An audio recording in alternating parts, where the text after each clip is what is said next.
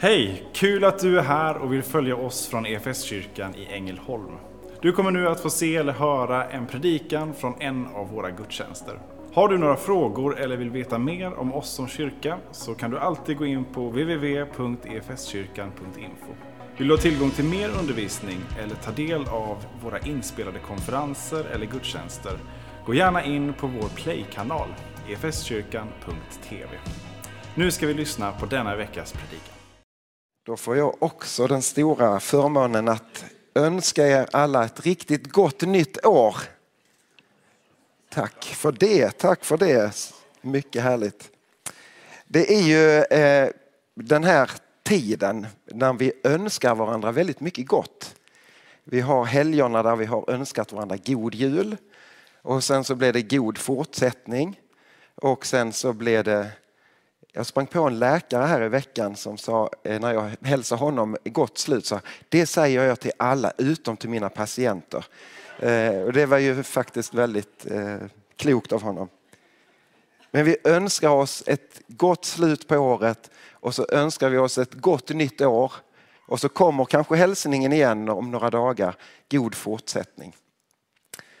Det är väl ändå en god hälsning att önska varandra gott på olika sätt. Så gör vi det nu i en brytpunkt, precis som du sa Åsa, i årsskiftet så, så är det på något sätt den här brytpunkten där man kanske summerar året som gick men där vi också blickar framåt. Och just nu så är vi inne i ett nytt år, 2023. Man har knappt hunnit stava på det riktigt än men, men det sätter sig, 2023. Vad kommer det att ge oss? Vi har på något sätt i våra livets böcker eh, 365 oskrivna blad framför oss. Där det får tecknas historia framåt.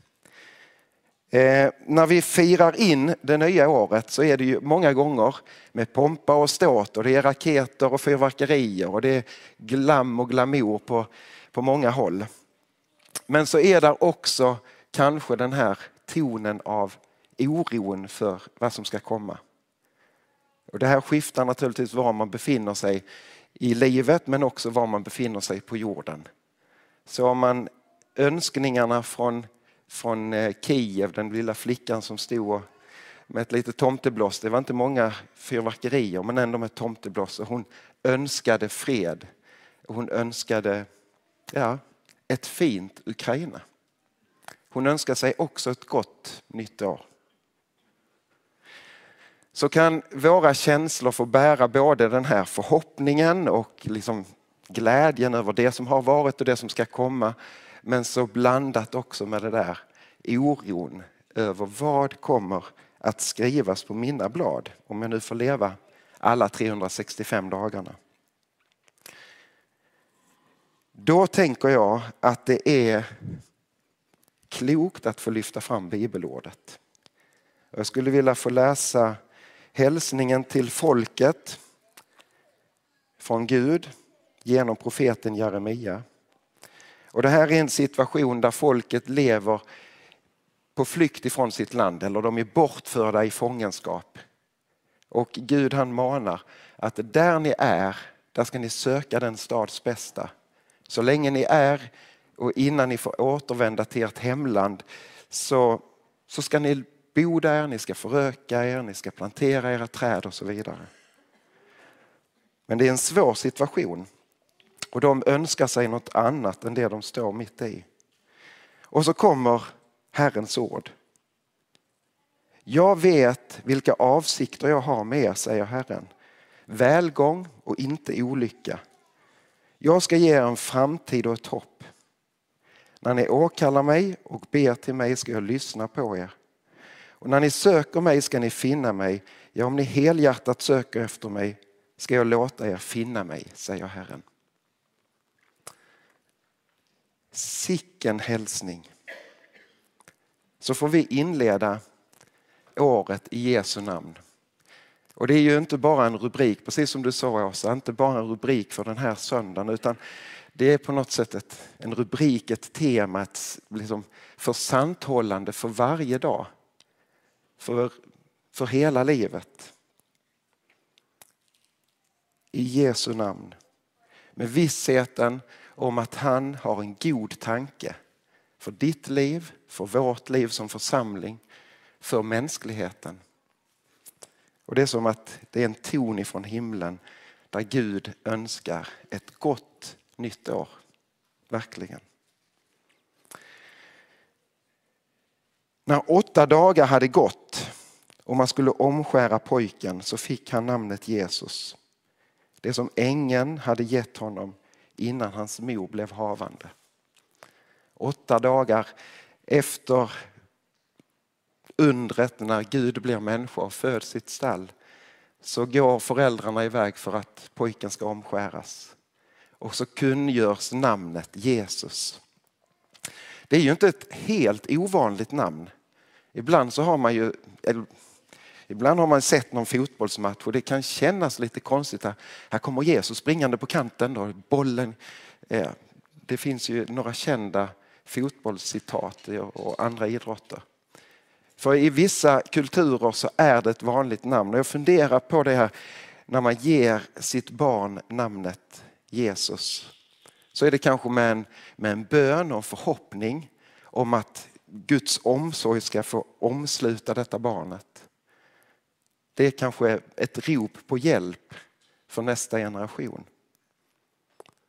Men så kommer detta barnet som inte bara bär namnet utan som är namnet Jesus. Gud räddar, Guds frälsning, Herren frälser. Jesus är det namnet. Han bär inte bara namnet. Petrus han uttrycker så här på två ställen i Apostlagärningarna. Först ifrån 4 och 12. Hos ingen annan finns frälsningen och ingenstans bland människor under himlen finns något annat namn som kan rädda oss. Namnet Jesus. I Apostlagärningarna 10 så fortsätter Petrus att säga i tal om honom vittnar alla profeterna och var och en som tror på honom får syndernas förlåtelse genom hans namn. Vet ni vad? Att de här oskrivna bladen som vi har framför oss 365 dagar detta året, om vi nu får hänga med hela vägen, är inte oskrivna. Det viktigaste är redan inpräntat i bladet. Som en vattenstämpel så står där på varje blad Jesu namn. På dina dagar. Så därför så får vi inleda varje dag med den tryggheten. Jesus, du är på riktigt. En torsdag i februari. Eller vad det nu är för dag. Så i tron på honom så får vi bära med den där vattenstämpeln. Och med det namnet så är det mängder av underbara löften ifrån Gud själv. Han som har goda tankar för dig och för mig. Den gammaltestamentliga läsningen för idag är hämtat ifrån klagovisorna. Också tror vi att det är Jeremia ord som är nedtecknade här. Och vi ska läsa tillsammans från i kapitel 3, vers 22 och framåt. Men Herrens nåd tar inte slut. Hans barmhärtighet upphör aldrig. Varje morgon är den ny. Stor är din trofasthet. Min andel är Herren, det vet jag. Därför hoppas jag på honom. Herren är god mot den som kommer till honom, mot den som sätter sin lit till honom. Det är gott att hoppas i stillhet på hjälp från Herren. Visst är det härliga ord? Vem är det som uttrycker de här orden och i vilken situation uttrycks de här orden? Det finns ett väldigt viktigt eh, ord i inledningen på den här läsningen och det är ordet men. och män med e. Det är ett brytord i en text. När man dyker på det, men Herrens nåd tar inte slut. Då är det någonting som har berättats innan. Där är liksom ett skifte i texten. Och skiftet här i Klagovisorna 3 är radikal. För Jeremia beskriver kanske sin egen situation eller folkets situation och kanske egentligen hela mänsklighetens situation. Jag är mannen som fått lida under hans vredes gissel. Och så fortsätter han att rada upp en beskrivning av att det är en, äh, hans liv är kringränt av, av elände som inte går att beskriva med, med ord. Han, han känner sig som att hans kött har trasat sönder. Benen i min kropp är krossade.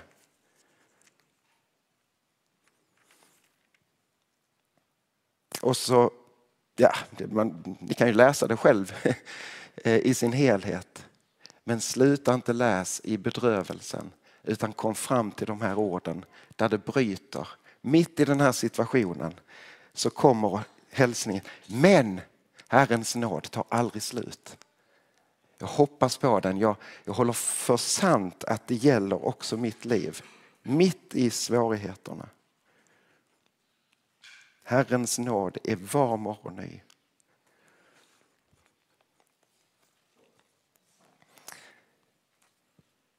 Och så är det väl för oss alla att även vi kan tappa hoppet och tilltron när livet är far illa med oss. Eller när vi blickar ut över, över vår värld som lider så mycket. Gud, är du på riktigt? Varför svarar du inte? Varför bryter du inte in? Alltså, och så kommer han. det har jag ju redan gjort. Ja, men vi vill ju ha fred nu. Jag vill vara helad nu. Jag vill ha ro och frid i mitt hjärta nu. Och så lever vi den där dubbelheten där vi måste få påminna varandra om att Herrens nåd är var morgon ny. Hans död och uppståndelse räcker. Och med de orden får man försöka trösta den som nästan är tröstlös. För att man håller på att tappa taget och tilltron. Så låt aldrig Guds hälsning tystna. Jag vet väl vilka tankar jag har för er. Nämligen fridens tankar och inte ofärdens. Det ger en framtid och ett hopp. Så kära vänner. Med stor frimodighet och stor tacksamhet så önskar jag er alla ett riktigt gott nytt år i Jesu namn. Ska vi be. Kära himmelske far, vi tackar dig för att du är den du är genom alla tider. Också in i vår tid, i våra liv. Och vi inbjuder dig att med din heliga ande få, få ge liv åt ord och ton i våra, våra liv och våra sammanhang. Att du Herre får, får blåsa med din helande kraft in i våra liv. Att du får blåsa med, med tröstens ande, med hjälpens ande, din ande. Och vi ber och ropar om att du får vara den du är i varje människas liv. I Jesu namn. Amen. Som kyrka är det en glädje att få spela en liten roll av allt Gud gör i och genom ditt liv. Vi vill gärna fortsätta följa dig på den resan. Och vill du ta reda på vad ditt nästa steg kan vara på din resa med Gud så gå in på efskyrkan.info nästa steg. Vår längtan är att få se människor och samhällen förvandlade av Jesus. Genom en kyrka som återspeglar Guds hjärta, bär varandra och betjänar människor varhelst vi befinner oss varje dag.